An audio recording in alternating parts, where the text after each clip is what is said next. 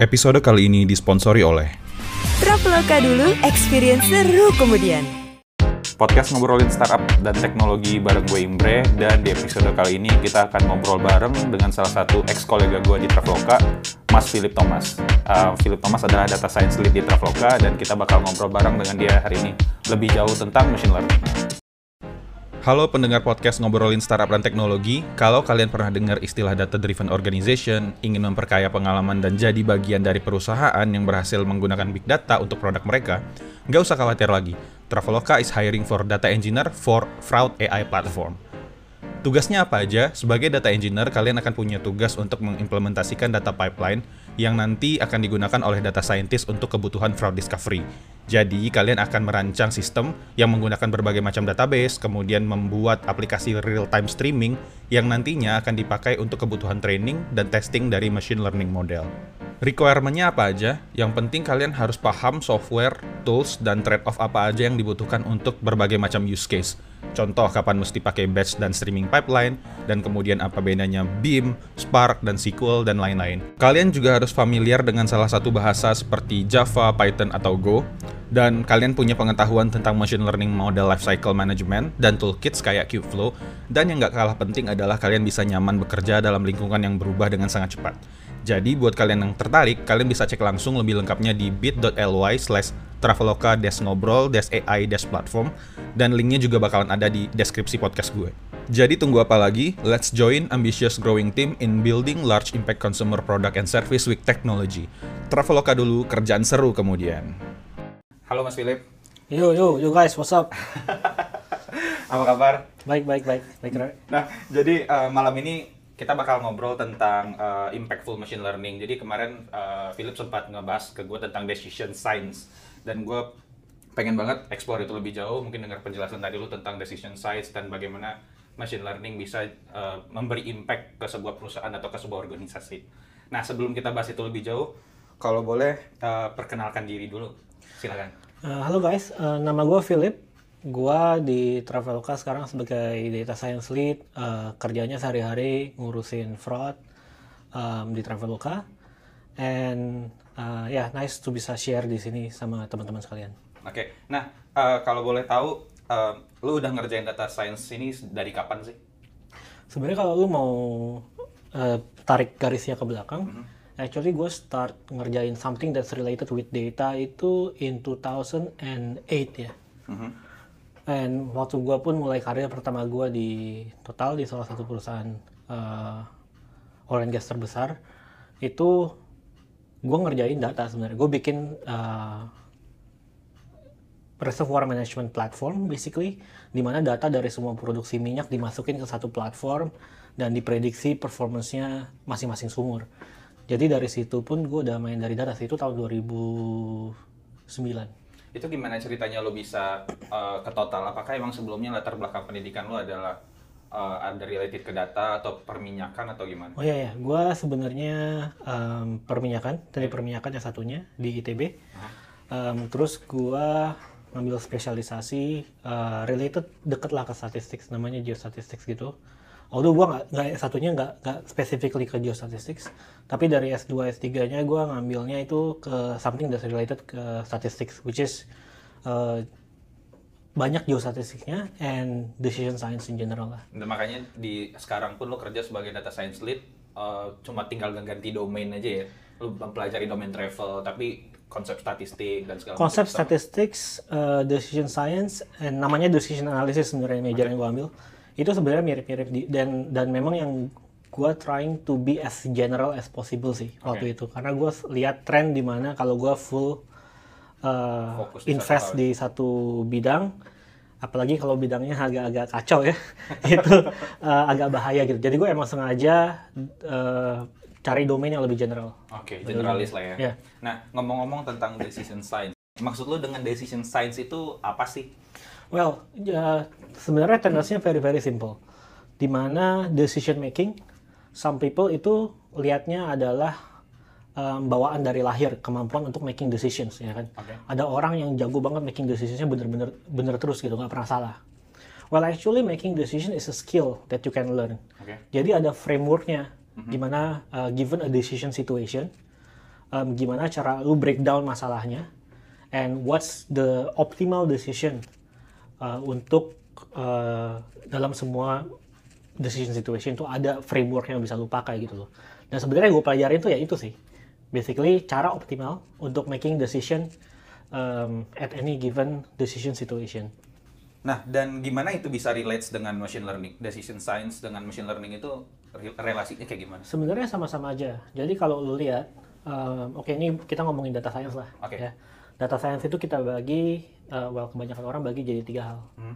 which is analytics and machine learning and inference. ya kan? Analytics itu sebetulnya about how to get inspired. Oke. Lu lihat historical data, lu trying to make fast decision, fast decision based on inspiration. Lu nggak tahu whether correl- correlation itu causation atau bukan, tapi lu lihat sinyalnya. Oke. ya kan? So analytics is all about making decisions based on historical data. Aha. Tapi biasanya itu lebih ke technical decisions ya. Oke. Nah, kalau machine learning is actually you are creating model, ya kan, untuk uh, nge-regress something atau bikin XGBoost for a certain classification problem. Itu what you are trying to do is trying to make decisions at scale. Hundreds of thousand decisions at any given time, ya Oke. kan. Um, itu ya machine learning is about making decision at scale. And inference is about making big decisions uh, where you have a lot of uncertainty sebenarnya. Oke. Where you don't have enough data, you need inference actually. Statistical inference ya. I'm not talking about deep learning inference by the way. Oke. Jadi kalau seandainya data pun kecil, sebenarnya kita bisa dapat decision yang bagus juga. Itu topik dari uh, research gue yang dulu-dulu lah. Oke. It's about making decision under uncertainties kan sebenarnya. Ya. Di mana gue pakai Bayesian framework. Mhm. Jadi the more data you have, the more certain you are. Mhm. Tapi sebetulnya ada optimal level of information yang lu butuhin untuk making date, making a decision. Oke. Jadi nggak perlu lu punya perfect information untuk making decision sebetulnya. Nah, kalau ngebahas tentang machine learning, menurut lo dengan adanya tadi data eh, data analytics, kemudian ada machine learning, dan kira-kira kunci keberhasilan dari dua hal itu gim- apa sih? Gimana caranya ketika lo melakukan itu, lo bisa tahu bahwa lo berjalan ke arah yang tepat dan pada momen yang tepat? Oke. Em, menurut gua kunci keberhasilan bukan cuma dipakai di machine learning atau atau anal- analytics doang. Tapi di statistics itu ada yang namanya type 3 error. Oke. um, type 1 and type 2 error orang-orang udah banyak bahas kan. Tapi kalau type 3 error is ac- actually you are doing all the right analysis, making the right decision to solve the wrong problem. To solve the wrong problem. Ya, jadi basically yang kunci keberhasilan and at any given uh, decision situation itu ya lu punya clarity apa sih yang lu mau achieve, problems apa yang lu mau solve. So kuncinya sebenarnya ada di clarity on framing the problems. Oke, berarti sebelum lu ngomong, ngomongin tentang machine learning dan segala macam, lu harus jelas dulu permasalahannya apa. Yes. dan untuk mencapai maksudnya kayak setiap orang punya permasalahan gitu dan gimana caranya lu menemukan bahwa oh ini loh masalah yang harus diselesaikan dengan machine learning memperkecil skopnya kayak gimana Oke, jadi eh, ada frameworknya kan. Pertama, lu harus tahu objektif dari problem untuk solving problems ini apa, Oke. basically. Jadi itu harus di state very very clearly. Yang kedua, lu harus generate alternative untuk solve problem ini as many as possible. oke Salah satu alternatifnya ya with machine learning. Another alternative ya doing nothing basically oke atau pakai metode selain selain machine learning kan. Em, ketiga, information yang lu punya itu apa? Jadi data-data yang lu punya itu apa aja? oke Lu harus eh, understand domainnya, basically. Yang keempat itu preference. Preference itu lu harus lihat preference-nya si decision maker in Oh, general. oke. Jadi kalau ini machine learning dilakuin sama human, itu preference mereka seperti apa sih? Oh, oke. Jadi possible emangnya possible ya nambahin preference dari orang-orang itu ke model machine learning yang lo bikin? Beberapa itu bisa dilakuin sih. Eh, either lu main-main dengan objective functionnya Oh, oke. atau play with some uh, optimization uh, machine learningnya. Tapi itu lebih technical sih. Ya ya ya Um, tapi again ini ada frameworknya. And untuk ngetes clarity ya itu ada yang namanya clarity test sebetulnya Mhm. Itu kayak gimana? contohnya kalau lu disuruh desain um, machine learning algorithm yang basically reduce fraud, ya kan? Mhm. Lu harus ngerti definisi dari reduce fraud itu apa, Oke. sampai fully bener-bener detail. Oke. And definisi dari fraud itu sendiri apa? Cara paling gampangnya lu harus lihat eh, alter ego someone namanya Claire ya. Claire ini adalah seorang clairvoyant yang bisa jawab semua atau bisa predik semua pertanyaan di dunia ini, tapi nggak punya feeling. Oh, Dia cuma bisa jawab factual questions doang. Oke. Jadi kalau lu tanya ke Claire, Claire fraud gua besok bakal naik atau turun, dia bakal nanya definisi fraud itu apa. Ah, Jadi ini clarity test ini lu mainin di kepala lu berulang-ulang untuk dapat clarity bener-bener problem yang mau lu solve itu apa. Oke, oke. Dari segi bisnis, uh, problem itu apakah harus selalu related dengan bisnis atau enggak? Uh, not necessarily sih. Semua problem basically bisa lu lu breakdown kayak gini kan sebenarnya. Oke, oke. Nah, kalau seandainya gue bikin machine learning model atau gue implementasi machine learning, develop machine learning, kira-kira berapa lama sih uh, waktu yang harus gue bukan mungkin pertanyaannya berapa banyak waktu yang gue punya sampai akhirnya gue bisa develop dan selesai deploy ke production dan segala macam. Ada ini nggak sih batas waktunya? Kadang kan kalau riset machine learning kadang bisa terlalu lama. Sementara uh, challenge dari bisnis bisa berubah-ubah tiap bulan atau tiap tahun dan itu gimana menurut lo? Eh, ini balik lagi ya. Jadi semua machine learning algorithm what we are trying to do is to create value, Oke. ya kan? Create value through automated decision making at scale, Oke. ya kan? Nah, selama kita bisa create value from the business problems-nya, selama bisnis problemnya masih relevan, itu ya waktunya ya itu yang kita punya sebetulnya. Oh, Nah, oke. Kebanyakan bisnis itu kan evolving, Iya. berubah-berubah dengan cepat kan. Mhm. Berarti eh, kita harus adapt to their speed kan. Kita nggak bisa minta bisnis ngikutin kita. Iya. Kita harus ngikutin bisnis. Iya. So that's the reason why kenapa kita lebih prefer untuk start fast dulu Oke. untuk solve problemnya, test solution kita jalan atau enggak. Once kita nemuin market fitnya, jadi kita temuin bahwa problem kita benar-benar address eh, apa solution kita betul-betul address the problems, kita baru refine further sampai kita punya fully optimal solution. Ada thresholdnya nggak sih sampai lo bilang oh ini um, market fit nih?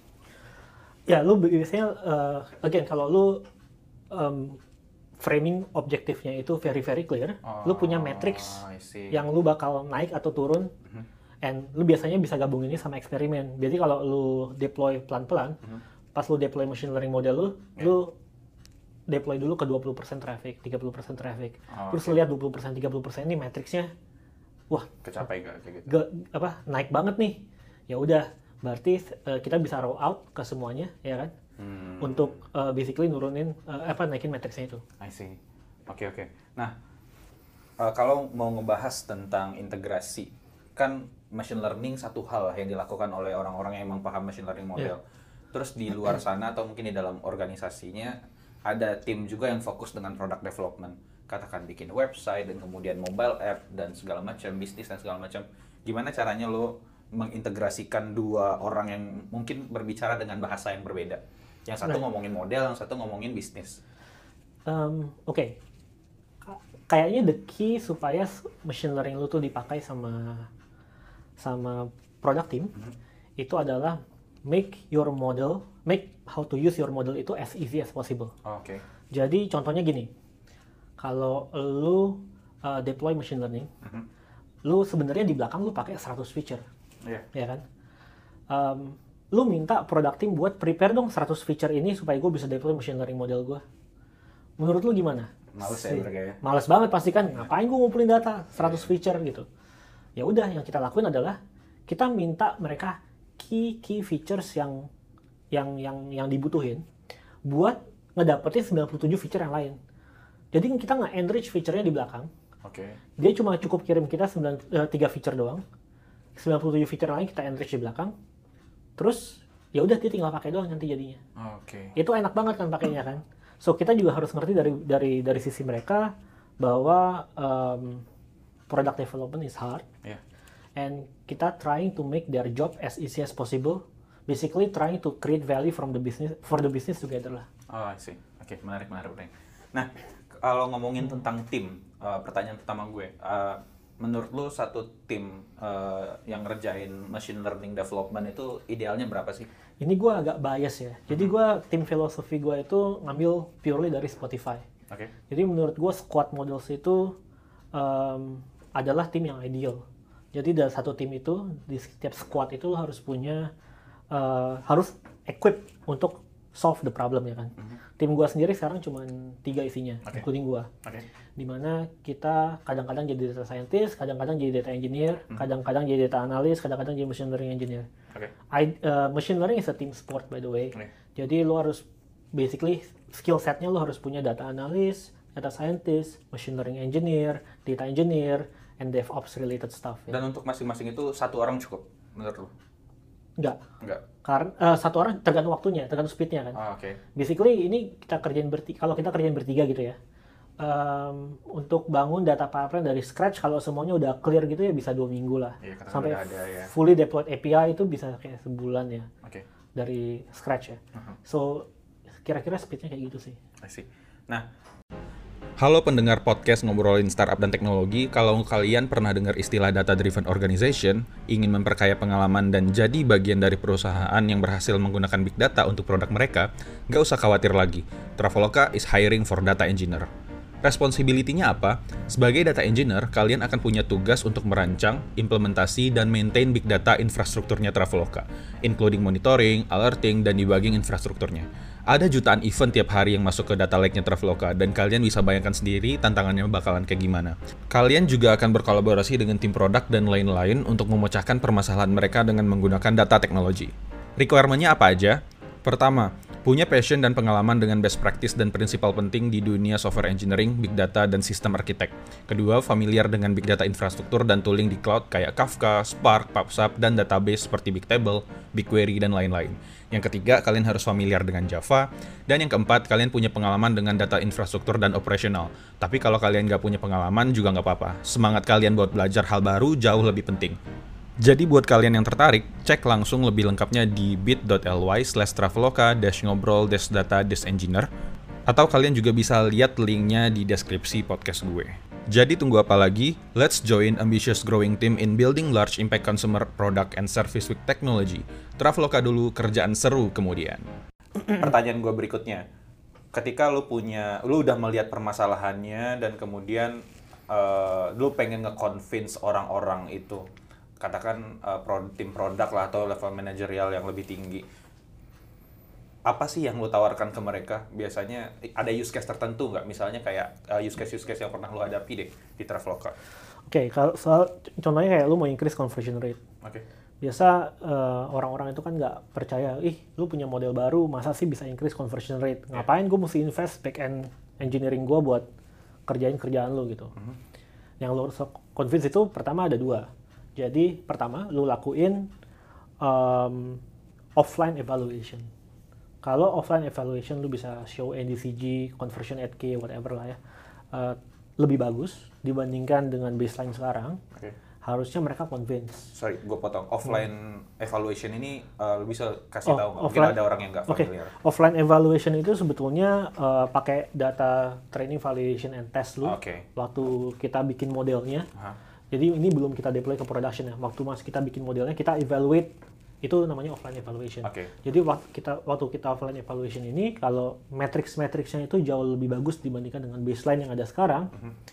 eh, kita bisa show gain-nya, mereka buy in. Tapi itu buy in bukan untuk ngedeploy model lu ke semuanya, Oke. karena itu masih risky kan Iya. kita minta mereka biasanya budget untuk eksperimen. Let's say, eh gue minta dong eh, 10% traffic, ini nggak gitu risky kok. Oke. Atau kalau risky banget lu minta kayak 1% traffic gitu Aha, aha. kan. So lu kontrol risknya dari situ. Hmm, So oke. once itu udah lu minta request, mereka biasanya buy in. Oke deh, eh, cuma satu persen juga, risknya juga nggak ada buat gua gitu kan. Oke. Ya udah, waktu itu namanya online evaluation.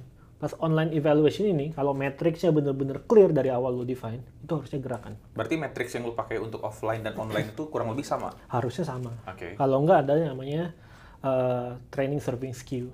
Oke. Itu uh, basically model pas yang offline evaluation ini performance-nya nggak relevan lagi pas online, udah beda performance-nya. Ah. Itu namanya training serving skill. Oke oke oke. Nah berarti tadi ketika mereka udah buy in, habis itu lo harus pakai traffic, eh, minta traffic lah ya. Uh, sekian kecil satu persen atau 10 persen atau berapapun dan setelah itu lo akan uh, present lagi ke mereka. Kalau ada improvement, biasanya yang kejadian uh, mereka juga track metricsnya, mereka penasaran juga kan. biasanya. Oke. Uh, kalau gue sih selalu gue deploy gue kasih uh, real time monitoring ya, jadi mereka bisa track real time metricsnya seperti apa segala macam. Dan model gue pun gue bikin se as auditable as possible. Maksudnya model gue outputnya tuh apa tuh ke record semua. Oke.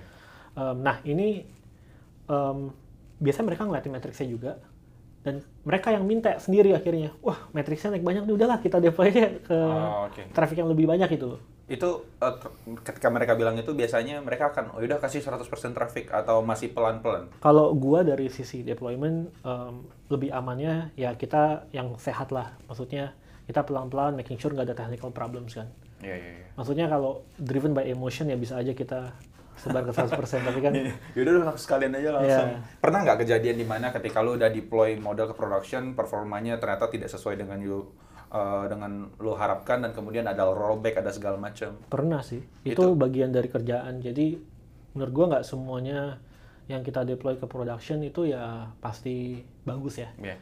So makanya namanya kalau gua tadi lu dengar gua ngomong, gua minta eksperimen budget kan. Oh. Jadi nggak ada jaminan sebenarnya eh, bahwa ini akan create value. Mhm. Karena kita experimenting actually. Dan ketika model itu udah ada di production, dalam waktu berapa lama biasanya lu akan mengevaluate itu? Apakah lu akan evaluasi satu hari, dua hari, kemudian tiga hari? Um, itu ada statistik hitungan statistik sendiri sih. Jadi kita untuk minimizing type 1 and type 2 errornya itu Oke. kita ada sample size yang cocok tuh berapa gitu. Oh, see. Nah, sekarang eh, kalau tadi kita ngebahas udah ada. Biasanya kalau matrix-matrix apa aja sih yang commonly dipakai untuk project machine learning? Di nggak usah lah bahas eh, use case lu dulu. Biasanya kalau seandainya apa ya di e-commerce dan segala macam matrix-matrix yang common Kalau apa sih? forecast kan ada yang namanya uh, MAPE kan, mean absolute percentage error misalkan. Mhm. Ada MAE, uh, terus ada root mean square error. Itu untuk gitu-gitu. evaluate model itu itu untuk evaluate ya? offline model ya. itu Offline model. offline evaluation buat uh, evaluate model lu. Mhm. Tapi di production, again, kita deploy problem ini kan ke bisnis, Iya. ya kan. So matrix-matrix itu harus yang bisnis relevan. Mhm. Jadi lo harus nyambungin model-model matrix machine learning tadi dalam machine learning language. Misalkan kalau lu akurasinya RMSI-nya kecil, Mhm. artinya apa itu ke bisnis matrix, ya kan? Let's say kalau prediction lu makin akurat, harusnya lu bisa um, increase conversion karena pricingnya lebih pas. Ya kan? Harusnya. Berarti Harusnya. lu di saat itu belum tahu bahwa itu emang terjadi atau enggak. Lu belum tahu, lu bisa lihat correlationnya, tapi again causation cuma bisa ditentuin waktu eksperimen. Oh, I see. Oke, oke, oke. Menarik ya. Nah, eh, pertanyaan mungkin untuk orang-orang di sana yang di perusahaan-perusahaan lain atau perusahaan kecil yang lagi pengen mulai mengimplementasikan machine learning. Lo ada saran nggak? Eh, how how do they start? Kemudian how do they improve their self atau their model dan segala macam? Kalau menurut gue yang paling relevan itu, oke, eh, ini gue ada dua suggestion. Iya. Yang pertama, ini suggestion sebenarnya datang dari Paul Strassman ya. Paul Strassman ini uh, dia nulis buku judulnya The Value of Business Computer. Tahun 90 ditulisnya. Oke. Paul Strassman ini tuh CIO dari uh, organization yang besar banget, namanya Pentagon. Oke. Pentagon di Amerika. Betul. Oke. Dia bikin riset waktu itu. Um, hipotesis dia adalah perusahaan yang invest di um, IT or teknologi itu harusnya jadi overachievers gitu. Jadi orang yang invest lebih banyak di teknologi harusnya jadi overachievers. Itu hipotesis dia kan. Oke. Terus dia lihat datanya. Um, well, dari underachiever sampai overachiever itu spend about 2% dari total revenue eh, total revenue mereka. Oke. Semuanya sama, garisnya flat. Dia bingung dong. Akhirnya dia di deeper ketemu orang eh, meskipun mereka spendnya sama, cara mereka nge-spendnya itu beda. Oke. Underachiever itu spend di management productivity. Mhm. Overachievers dia spend di operational productivity. Oh, Oke. Jadi message-nya di sini adalah kalau lu mau create value dari machine learning model lu atau dari data science model lu, data science initiative lu or whatever, Ya. Lu harus create mission critical apps. Mhm. itu kalau di contohnya di Traveloka itu ya booking engine misalkan ya Iya. something related to itulah Oke. kalau di um, broker saham misalkan itu trading engine mereka Ah, ya kan jadi lo harus lihat eh, harus lihat mi- mission critical apps-nya itu di mana Mhm. kalau lu jurnalis ya lu tempat lu nulis itu ya ya basically itu mission critical apps kan Oke, iya, iya. ya, jadi itu beda-beda buat tiap orang ya Ya. Jangan spend di management productivity spend di operational productivity Kalau manajemen ini contohnya apa? Ya contohnya PowerPoint itu management productivity kan. Oh, oke. Ya, so intinya lu bikin lu tentuin domainnya lu ngeliat operational productivity ini. Yang kedua, once lu punya um, domainnya, Oke. jangan coba jadi machine learning experts that you aren't. Oke. Trying to be great problem solver that you are. Oh, Oke. Meaning lu punya domainnya, nggak perlu start dengan model-model yang kompleks segala macam gitu. Itu menurut gua model driven solutions, which is wrong. Oh, Oke. Selalu mulai dari problem driven solution. Mhm. Lu trying to solve problems kan, Yeah. and then trying to start small with simple model. If it works, and then lu further refine. Kalau memang dibutuhin kompleks model, then create the complex model. Oke. Tapi start small, basically. Oke, menarik, menarik. Eh gue nggak ada pertanyaan lagi tentang machine learning, tapi gue pengen tahu, eh lo punya beberapa rekomendasi buku atau reference yang bisa dipakai buat belajar machine learning atau nge-grow engineering team yang fokus ke machine learning? buku ya Eh, kalau gue sih suka bu- su- eh, untuk general machine learning gue suka untuk practical sedikit ya. Ini yang practical tuh gue suka bukunya Aurelian Garen ya. Aurelian Garen dia baru rilis buku yang second version. Eh, hands on machine learning something something lah nama titlenya. Iya. menurut gue itu bagus banget buat jadi a place to start ya. Karena Oke. dia lebih practical nggak terlalu theoretical. Ya. kalau lu mau yang related to um, theoretical machine learning ya itu um, ada bukunya si learning uh, from data. Oke. itu uh, profesor di Caltech yang bikin. Itu bagus banget buat dapat gist and basicsnya dari machine learning. Um, terus dua buku lagi itu Introduction to Statistical Learning sama Elements of Statistical Learning. Itu yang ngeblend antara statistical understanding sama uh, machine learning in general. Berarti sebelum lo ke machine learning, lo harus belajar statistik dulu ya? Itu kalau mau ke theoretical. Again, Oke. don't be a, machine, a great machine learning that you aren't. Oke. Be a great problem solver that you are kan. Oke. Itu bukan prerequisite menurut gua. Oke, berarti kalau seandainya lu udah tahu basic dan kemudian lu melihat basic-basic itu udah cukup untuk nge-solve problem ya udah. Uh, as Yeah. long as you create value kan Yeah, for the that's right. business. Yeah. Hmm. Oke. Eh, hobi lo apa sih? Hobi gua dulu lari. Sekarang cari Sekarang. waktunya susah. Nah, eh, kalau boleh tahu apa kira-kira yang ingin lu capai dalam eh, jangka waktu dekat, mungkin satu tahun, dua tahun, kalau ada yang bisa lu share. Satu Personally, tahun, ya. personally. Personally ya. Wah susah nih pertanyaannya. well, gue sebenarnya gue coba main grow tim gue sih sekarang. Iya. Nge-grow, I mean to make each individual person di tim gue itu become a better person, become better leader sih. Ya. And trying to create as much value as I can create di company ini. Oke. Dan ada ini nggak yang ada yang bisa lu share nggak? Salah satu gimana caranya lu bikin eh, tim lu bisa jadi better person or better engineer? Oke, ini gue agak opinionated di bidang ini. Ya. Um, menurut gue the main ingredients itu kita uh, adalah culture ya. Jadi lu harus punya the right culture untuk uh, grow tim lu and empower tim. Ya. Gue suka banget sama culture-nya Ray Dalio. Jadi Ray Dalio itu adalah uh, salah satu um, figure hedge fund di New York, Ya. uh, Bridgewater Capital. Kalau lu pernah pernah baca bukunya itu Principles namanya. Itu culture Oh itu yang dia, pernah di share. Iya iya gue inget inget inget inget. inget. culture-nya dia radical honesty, Ah, ah. which is everybody is empowered to say anything, and then dia punya believability waiting buat setiap orang gitu. loh.